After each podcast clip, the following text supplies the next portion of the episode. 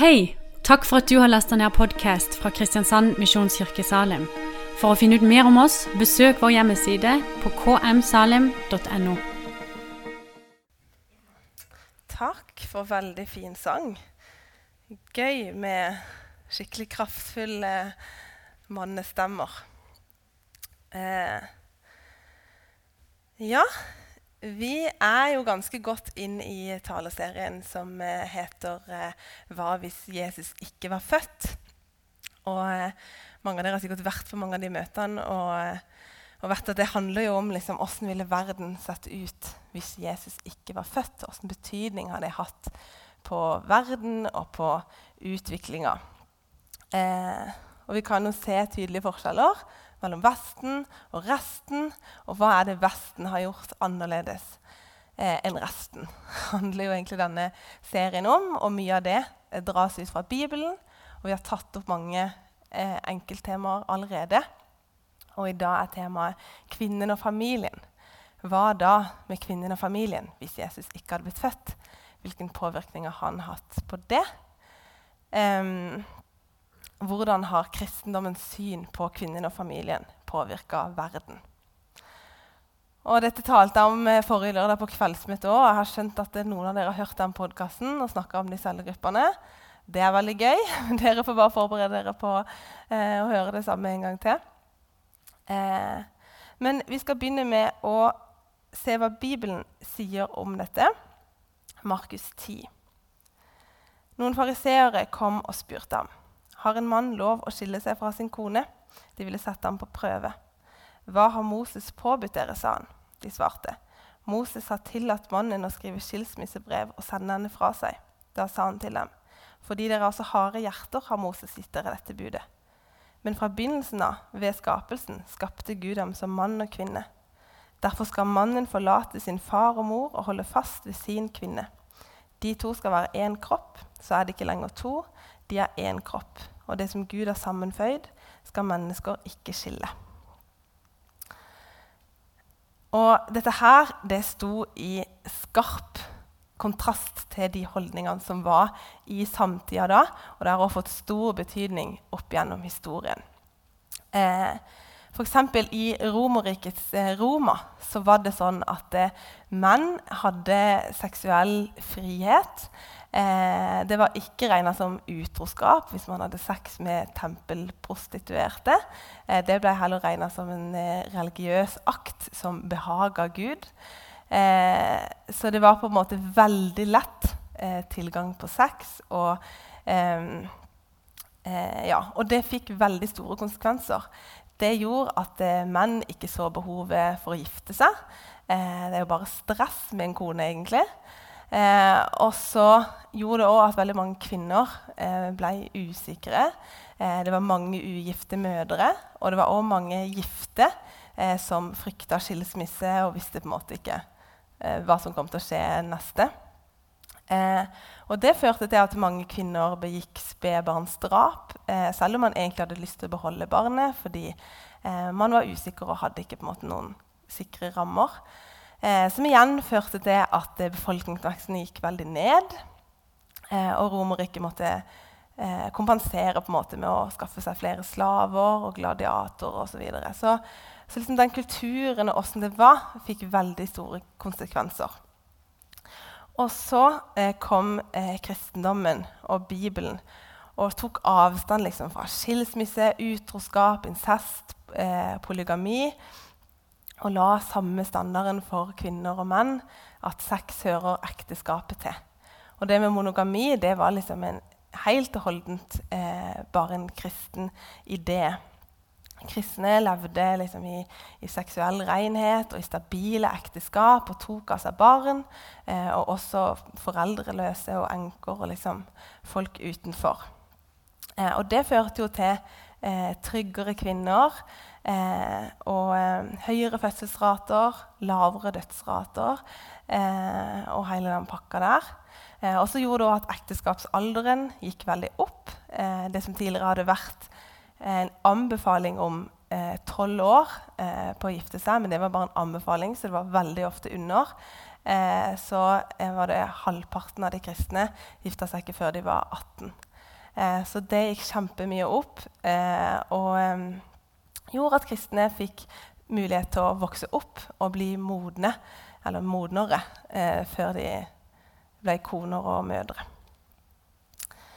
Eh, så det var liksom noe fra eh, Romerriket. Og så vet vi jo òg at, at Bibelen har blitt tolka og brukt på måter opp igjennom som ikke bare har vært bra, som ikke nødvendigvis handler om Bibelen i seg sjøl, men som, om menneskene som har eh, tolka den. Eh, I middelalderen så var det en vanlig tanke at sølibat og klosterlivet det sto liksom over ekteskapet i, i, åndelig rang. Så hvis du liksom valgte sølibat og det, så var du mye bedre. Du, liksom, du holdt deg unna de liksom, litt skitne tingene. Eh, men eh, Luther han angrep den tanken der. For selv om eh, presenteres som et viktig kall i noen spesielle omstendigheter i Bibelen, så mente Luther at det var i ekteskapet at man på en måte fikk åndelig vekst, eh, og at det var der man på en måte egentlig bygga karakter. Og at sex og samliv var en del av skaperverket eh, som Gud sjøl hadde sagt at var svært godt. Eh, og Luther han konkluderte om at klosterløftene ikke var noe viktigere enn vanlig kristnes kall. Og Det førte til at klostrene begynte å tømmes mer og mer. Prestene begynte å gifte seg og stifte familier. Eh, og det var faktisk noe av eh, den største teologiske grunnen til at eh, protestantiske land eh, begynte å bygge demokratier eh, og fikk veldig økonomisk vekst i forhold til eh, katolske land. Fordi eh, familien er på en måte hovedmotoren eh, i samfunnet, og det som eh, det er en veldig viktig grunn eh, for økonomisk vekst. Eh, fordi hvis en mann ikke har familie, så kan man kanskje Hva skal jeg si Så avlinger og liksom sånn. Men hvis han har familie og barn, så tenker man kanskje oftere på framtidige generasjoner og liksom investerer og tenker lengre, sånn, hvis man generaliserer. Eh, så familien motiverer foreldre til å liksom planlegge og tjene og ofre og investere for framtida, og er derfor veldig viktig for en sivilisasjonsøkonomisk vekst. Eh, så eh, ja. Og ved å holde sine løfter til én ektefelle òg, så lærer man seg kanskje mer å holde løfter og holde ord i andre sammenhenger òg. At det med tillit eh, og det med å holde ord blir en, plutselig en verdi man er bevisst på, og som man setter høyt. Eh, som også gjorde at tillit kunne på en måte bli en eh, liksom grunnlag for eh, samfunnslivet. Som òg har hatt veldig stor betydning. Så det at Luther sa at eh, alle yrker var like viktige, at presteyrket ikke var noe overordna, men at alle yrker skal liksom utføres med flid som en tjeneste for Gud, eh, det fikk stor betydning for eh, utviklinga av demokratier og den økonomiske veksten. Eh, men det utfordra òg klasseforskjellene i Europa eh, og var liksom forløperen til den tanken som vi kjenner godt i dag, om at alle borgere er like, og at det, uansett om du er rik eller fattig, eller utdanna eller ikke, eller om du er gammel eller ung, eller mann eller kvinne, så er liksom borgere like. Eh, for kristendommen har faktisk òg hatt utrolig stor betydning for kvinnefrigjøringa. Bibelen har jo fått veldig mye av skylda for eh, kvinners underlegne status. Eh, og det er dessverre mange eksempler på hvordan eh, folk har feilaktig brukt Bibelen til å undertrykke kvinner. Men jeg tror òg Bibelen har vært en veldig viktig kraft som har myndiggjort kvinner i Vesten til å eh, kjempe for frigjøring. Eh, ja, fordi mens polygami og eh, liksom slavebinder eh, kvinner og svekker kvinner, så har, eh, gjør Bibelens syn på eh, ekteskap og samliv at kvinner blir tryggere og blir myndiggjort. på en måte. Det, mange, det er mange historikere som faktisk mener at eh, kristendommen inntok Roma nettopp fordi at eh, han, det tiltrakk seg kvinnene og myndiggjorde dem. En som heter Alexis de Tocqueville. Jeg vet ikke hvordan jeg skal uttale det navnet. men eh, har forska på det eh, amerikanske demokratiet. Han sier at han tror hovedårsaken til at USA har hatt så stor velstand og vekst og har så voksende makt, er at kvinnene de sine hele tida har ligget foran alle andre. Eh, så Allerede på 1930-tallet så, så han at bibelske kristne begynte å forberede døtrene sine på et liv i ansvarlig frihet, at man var herre over egne tanker, egne valg, egen anstendighet. Istedenfor å gi dem en streng og formell oppvekst, som man så mange andre steder. Eh, og det er en veldig sterk kobling mellom moral og frihet, fordi moral eh, skal frigjøre. Moral uten frihet er egentlig slaveri. Mens frihet uten moral er jo ja, bare nedbrytende. Eh, så moral skal frigjøre. Og det så man at eh, kristendommens moral gjorde. Eh, eksempelvis i USA, da, at eh, kristendommens moral frigjorde kvinner. Eh, som igjen fikk betydning for kvinners status, og som igjen styrka eh, et helt samfunn. Så han kan, eh, Tocqueville, han sier at styrken i den amerikanske kulturen og karakteren kan egentlig veldig tydelig hentes ut fra Bibelen. Så det er mange grunner til å tro at eh, kvinnefrigjøringa eh, kan knyttes til kristendommen. Eh, frigjøringa av asiatiske kvinner for eksempel, skjedde ikke før eh, vestlige misjonærer kom, eh, kom, dit og tok med seg liksom, det bibelske verdensbildet og åndeligheten og eh, moralen. Så mange av de verdiene som vi ser på som en selvfølge i dagens samfunn og kulturen i dag, det kommer fra eh, Bibelen. Eh, familiene det kan ses på som kjernen i samfunnet. Og når familiene begynte å eh, rette livene sine etter eh, Bibelen, så fikk det utrolig store konsekvenser. Eh, og det endra egentlig kultur og samfunn og la liksom grunnlaget for den utviklinga og det samfunnet som vi har hatt og har i Vesten i dag. Nå er samfunnet på mange måter på vei bort fra Bibelen igjen. Eh, og det anses liksom som moderne tenkning og frigjøring å rive seg løs fra Bibelens normer på område etter område. Eh, Bibelen er gammeldags, og vi har kommet lenger enn det. liksom. Eh, dere har sikkert hørt Geir sitere det før, men uh, han, uh, Lauren Cunningham, han som stifta Ungdom i oppdrag, han sa en gang uh, at når en stor nok andel av befolkninga vender Bibelen ryggen og slutter å anvende den som rettesnor for livet, da begynner den nasjonen å ødelegge seg sjøl. Og det er det vi kristne egentlig sitter stille og ser på nå. Vi ser åssen verdiene som løftes fram i Bibelen, rives i stykker.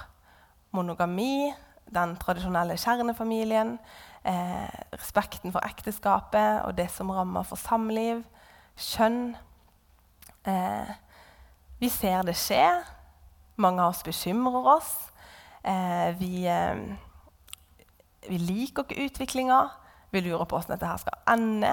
Vi frykter hvordan det skal påvirke våre barn. Eh, men vi tør ikke si eller mene noe i frykt for den sosiale gapestokken. Eh, for det er ikke sosialt akseptert å eh, stå for konservativ kristen samlivsetikk lenger. Um, I toleransens navn så har man slutta å tolerere konservative kristne. Og vi vet ikke hva vi skal gjøre med det. Det føles som en utvikling som det er umulig å snu eller i det hele tatt å bremse. Uh, og vi føler oss handlingslamma. Eh, men heldigvis sier Lauren Cunningham også at når en stor nok andel av en befolkning begynner å ta Bibelens budskap på alvor og anvender den på livsområde etter livsområde, da vil man før eller siden nå et tipping point der nasjon og folk igjen kan leges. Og jeg ble så glad når jeg hørte det. Jeg ble så letta. For det plutselig så skjønte jeg at dette her trenger jo ikke å være enveiskjørt. Vi trenger ikke bare å sitte og se på. Eh, vi kan faktisk være med og påvirke. Vi kan faktisk gjøre noe eh, for å påvirke eh, landet vårt, og, eh, ja, sånn at det igjen kan leges. Det har skjedd før. Eh, og det kan skje igjen. Fordi Guds ord står fast, det har autoritet, det har makt til å eh, forandre mennesker. Og det har skjedd gjennom hele historien. Og jeg tror Gud fortsatt har lyst til å bruke sitt folk til å eh, lege land og samfunn. Så åssen kan kristendommens syn på kvinnen og familien igjen påvirke verden? Det vi som kristne og Guds folk må gjøre, det er jo å ta Bibelens budskap på alvor eh, og anvende den i våre liv. For sekularisering det er ikke bare noe som skjer der ute. Det skjer òg blant kristne. Eh, vi tror på Gud, men vi lever som han ikke fins. Vi har flytta Gud fra sentrum i livet og ut til eh, en ytterkant der han ikke lenger får påvirkning på våre valg og prioriteringer og eh, på hverdagen vår. Eh, og så preges man av kulturen og de rundt, og ikke av Gud. Men hvis vi vil se Gud forandre byen vår og landet vårt, så må vi la Gud få være Gud. Vi må ære Gud med livene våre. Og vi må ikke bare være kristne som noe vi gjør på si, eller en hobby, eh, men vi må liksom være det med hele oss og rette hele livet vårt etter Guds ord. Vi må la det ha påvirkning på hverdagen vår, og vi må tørre å gjøre noe annet enn resten av samfunnet. Jeg skal gi noen eksempler på eh, hva eh, hva det kan bety å ære Gud med livene våre og rette oss etter Hans ord. For det første så handler det om at vi må sørge for, for at vi sjøl lever tett på Gud. Vi må la Gud få komme tett på og forandre oss innenifra. For hvis det er noe historien lærer oss, så er det at hvis vi vil at noe skal skje der ute, så må det først skje med oss.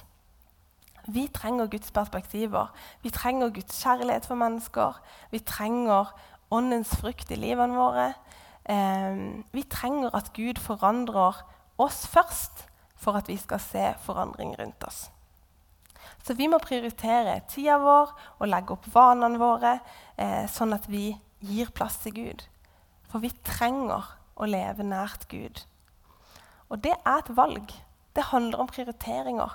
Det handler om eh, hvem vi har rundt oss, hva eller hvem vi vil skal ha påvirkning på oss. Eh, hva vi velger å bruke tida vår på. Det handler om rutiner og vaner. Eh, og om å bruke tid i bønn og i Bibelen. Vi trenger å la, Guds, eh, å la Gud få rom og tid til å fylle oss med seg. Eh, I andre krønikerne så står det hvis da dette folket, som mitt navn er nevnt over, ydmyker seg og ber, søker meg og vender seg bort fra sine onde veier, skal jeg høre dem fra himmelen, tilgi dem syndene og lege landet.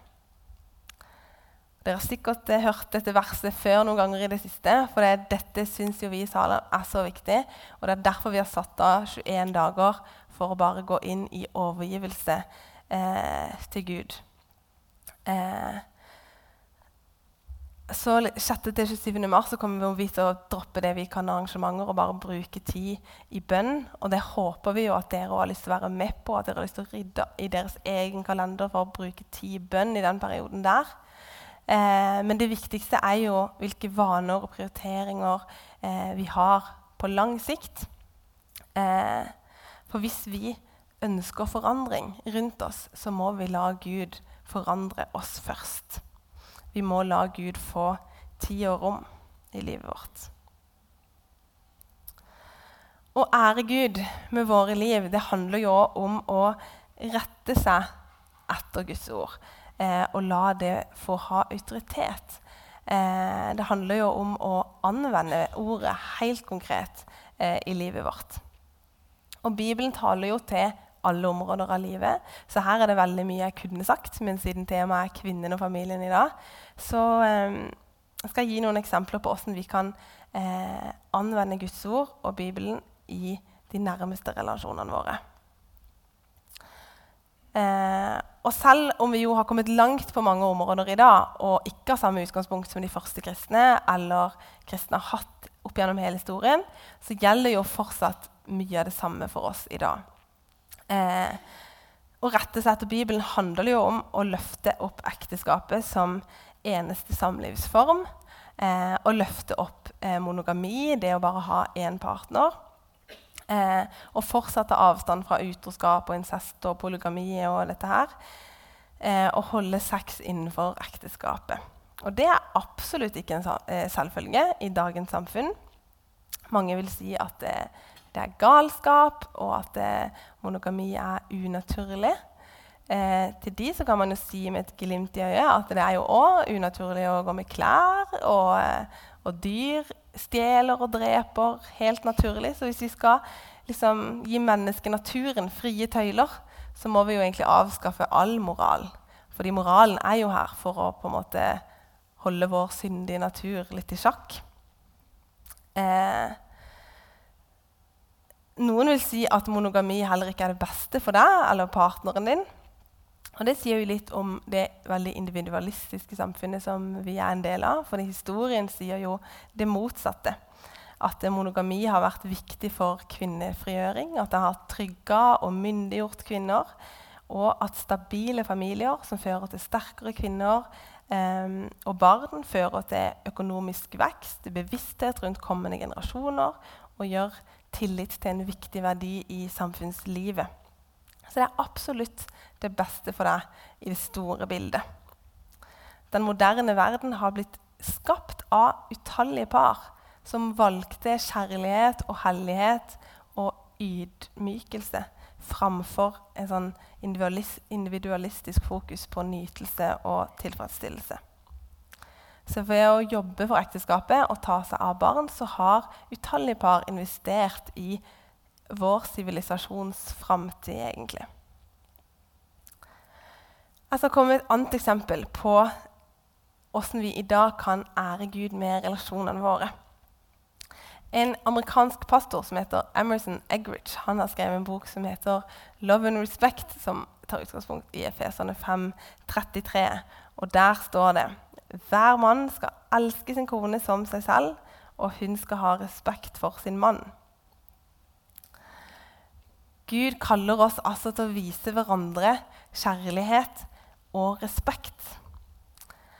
Dr. Emerson har snakka med utallige kvinner og menn. Det han har funnet ut, da, som jo har ligget rett foran øynene på oss i Bibelen hele tida Og det, det fins sikkert unntak på dette, men hvis vi skal liksom generalisere veldig, så har han funnet ut av at eh, kvinners primære behov er å føle seg elska mens menns primære behov er å føle seg respektert. Eh, han har snakka med mange kvinner som kommer, kommer til han og sier Åh, jeg vet ikke om mannen min elsker meg like høyt som jeg elsker han. egentlig. Eh, men det hører han ikke menn si. Eh, de vet at kona elsker dem. Hvis han spør dem eh, tror du kona di elsker deg, så svarer de fleste menn ja. Det gjør hun selvfølgelig. Eh, men hvis han spør dem um, tror du kona di liker deg, så er det mange som drar litt mer på det. Nja, det er jeg faktisk ikke helt sikker på. I hvert fall ikke alltid tror jeg hun liker meg. Eh, for når en kvinne ikke føler seg elska, så har hun en naturlig tendens til å reagere på en respektløs måte. Hun angriper, kritiserer. Eh, og når en mann ikke føler seg respektert, så har han en naturlig tendens til å reagere på en ukjærlig måte. Kanskje trekker han seg unna eller ignorerer eller avviser. Og så reagerer kona desto mer respektløst, mannen desto mer ukjærlig, og så har man det gående. Og Dr. Emerson han kaller det for 'the crazy cycle'. Eh, å vise kjærlighet det ligger veldig naturlig for kvinnen. Hun gjør det nesten automatisk. Eh, menn kan veldig lett oppføre seg respektløst. Eh, mens å vise respekt det ligger veldig naturlig for mannen. Han gjør det mer automatisk, men har lettere for å oppføre seg mer ukjærlig. Eh, og Det er bl.a. derfor, i tillegg til at vi har fått ulike roller, og alt det der, at Gud gir oss nettopp dette budet om at menn skal elske sine koner, og kvinner skal respektere sine menn. Og det Bibelverset det handler jo om ekteskapet, men det kan veldig lett dras til alle andre relasjoner òg. I hvert fall de som er nære og trygge. Om det er familierelasjoner, venner, eh, kollegaer. Hvis en kvinne føler seg lite elska eller behandla ukjærlig, så vil hun reagere respektløst eller med mindre respekt. Og hvis en mann føler seg lite respektert, så vil han reagere ukjærlig. Og Det gjelder òg i eh, foreldre-barn-relasjonen. Fordi barn trenger kjærlighet, og foreldre trenger respekt. Så hvis et barn ikke føler seg elska, så vil de reagere respektløst. Og når en forelder ikke føler seg respektert, så vil man reagere ukjærlig. Og så har man det samme gående. Men heldigvis så er det motsatte også sant. Dr. Emerson kaller det 'the energizing cycle'. Så hvis kvinnen eller barnet eh, seg, eh, viser respekt, så vil mannen eller forelderen reagere med kjærlighet. Og når kvinnen eller barnet føler seg elska, så vil de igjen reagere med respekt. Og så har man en ny syklus gående. Så utfordringa er å komme seg ut av the crazy cycle og inn i the energizing cycle. Men for å klare det så må minst én i relasjonen eh, klare å vise respekt selv om man ikke føler seg elska, eller vise kjærlighet selv om man ikke føler seg respektert. Og Det greske ordet som Paulus bruker i dette verset, det er agape, som betyr ubetinga kjærlighet. Eh, så Gud han kaller oss til å vise hverandre ubetinga kjærlighet og ubetinga respekt. Altså Selv om vedkommende ikke fortjener respekt, selv om du ikke føler deg elska, man trenger nødvendigvis ikke å føle respekt eller kjærlighet, men vi skal vise kjærlig og respektfull oppførsel uavhengig av åssen den andre personen er. Hvorfor det? For dette handler ikke verken om at eh, den andre skal fortjene noe, eller at jeg skal få noe igjen, men det handler om lydighet til Gud og å rette seg etter Hans ord. Og dette her det kan føles er nærmest umulig å få til. Men jeg tror nøkkelen for å klare å leve sånn igjen handler om min relasjon til Gud. For det er kun Gud som kan tilfredsstille mitt behov eh, for å føle meg elska, respektert og anerkjent. Og når jeg gir den plassen til mannen min eller venninna mi eller et familiemedlem eller noen andre jeg ser opp til, eh, og går til de for å få den anerkjennelsen og kjærligheten som jeg trenger, så har jeg gitt Guds plass til noen andre. Eller hvis jeg streber og lengter etter en kjæreste eller ektefelle jeg ennå ikke har, og tenker at jeg må ha det og det for å få det livet jeg vil ha, eller være lykkelig, eller at det er der lykken og meninga ligger. Eller at man tenker at man ikke kan ha det bra eller føle seg elska uten den ektefellen eller kjæresten man en gang hadde. Da har man gitt Guds plass til noen andre. For det er ikke meninga at vi skal hente den anerkjennelsen og kjærligheten som kun Gud kan gi oss, eh, hos noen andre mennesker. Det som skjer hvis vi gjør det, er at det, eh, den andre personen kommer uansett til å skuffe deg. Den kommer ikke til å kunne gi deg alt det du trenger. Og da kommer vi til å reagere på en ukjærlig eller respektløs måte. I Galaterne ja, I Galaterne 1,10 så står det Prøver jeg nå å bli anerkjent av mennesker eller av Gud? Vil jeg bare være mennesker til lags? Var det fremdeles mennesker jeg ville være til lags? Da var jeg ikke Kristi tjener. Gud ønsker at jeg skal komme til Han og la Han få dekke mine behov. At det skal være Han jeg finner min anerkjennelse og identitet i, ikke andre mennesker. Gud ønsker å ha den plassen. Um, og jeg tror at å la han få ha den plassen, jeg tror det er det som er nøkkelen. Uh, det er å forvente fra Gud det Gud har sagt at han skal gi, og ikke forvente det fra mennesker. Det er det som vil gjøre at vi vil klare å leve etter Efeserne 5.33. At menn vil klare å, å elske sine Eller klare å vise kjærlighet, og kvinner vil klare å vise respekt. Um, uavhengig av om det er fortjent, eller hva man får tilbake. Fordi Gud allerede har møtt dine behov, eh, så vil du ikke forvente det så lett av noen andre som ikke vil kunne gi deg det. Du vil ikke så lett føle deg eh, mindre elska eller mindre respektert. Eh, og man vil kunne komme seg ut av the crazy cycle og inn i the energizing cycle. Og der så vil man løfte hverandre opp istedenfor å bryte hverandre ned. Når vi løfter andre opp, så hjelper vi jo igjen de òg til å ikke søke anerkjennelse andre steder. Og så har man en, en god eh, sirkel gående. Jeg tror Efesene 533 sier oss noe om hvordan Gud ønsker at vi skal leve i våre nærmeste relasjoner, og hvordan vi kan ære Han gjennom de. Bibelen kaller og utfordrer oss på å vise hverandre kjærlighet og respekt. Til å vise kjærlig og respektfull oppførsel uavhengig av hva den andre fortjener, i lydighet og kjærlighet til Gud. For Jesus sier at 'det dere gjorde mot en av disse mine minste søsken, har dere gjort mot meg'. Jesus identifiserer seg med sine barn, også med våre nærmeste. Så det vi gjør mot våre nærmeste, det gjør vi òg mot Gud. Om ikke våre nærmeste fortjener kjærlighet og respekt, så fortjener iallfall Gud det. Og alt dette her er jo selvfølgelig lettere sagt enn gjort.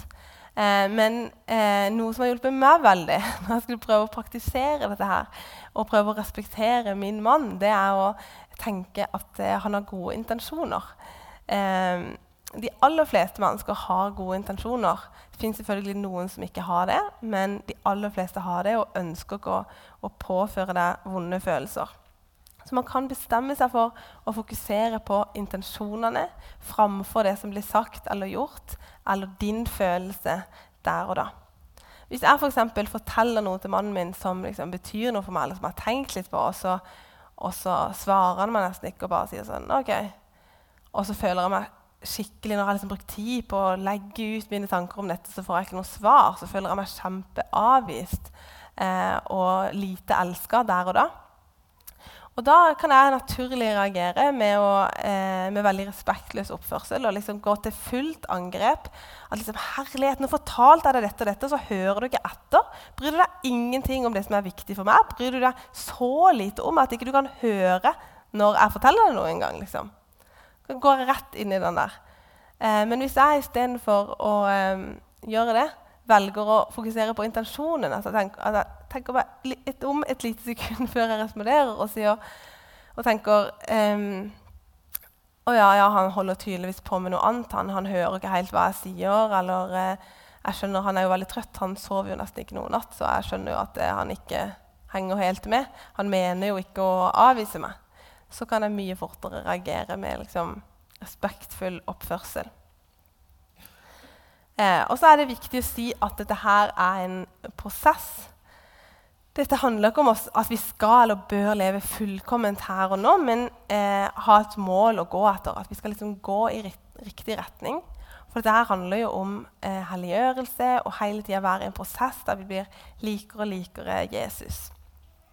Og så kan vi se på denne lista eh, motsatt vei òg. Eh, at hvis vi begynner med å gå til Gud, og la Han fylle behovet vårt for anerkjennelse og kjærlighet og respekt, eh, så vil det gjøre at vi lettere klarer å vise hverandre ubetinga kjærlighet og respekt, eh, og bygge hverandre opp. Eh, det vil òg gjøre at eh, vi lettere klarer å, å liksom noe om ekteskapet som eneste samlivsform. Eh, og jeg tror òg at det vil forandre oss.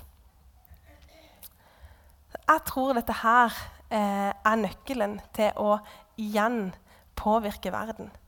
Og la Gud være den vi bygger vår eh, identitet på, og som vi lar fylle våre grunnleggende behov.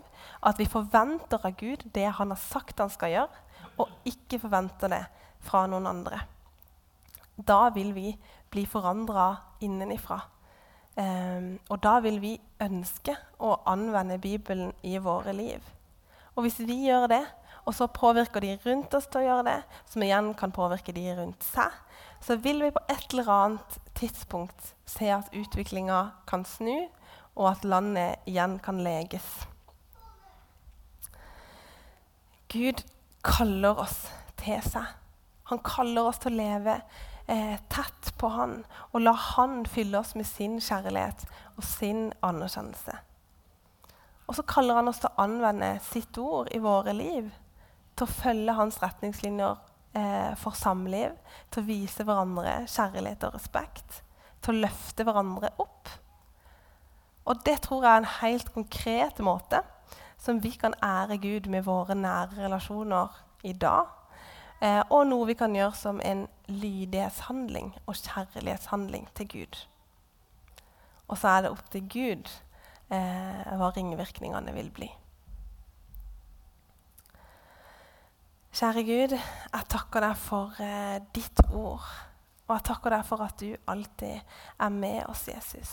Takk for at du ser alle våre hverdagslige situasjoner. Takk for at du ser vår familiesituasjon. Og Jesus, jeg ber om at du på nytt bare skal fylle familiene med ditt nærvær. Jeg ber om at du skal styrke familiene. Og jeg ber om at, eh, at hver familie og hvert menneske bare skal klare å eh, prioritere deg, Gud. La deg få plass. La deg forandre oss. Og hjelp oss å eh, ta ditt ord på alvor.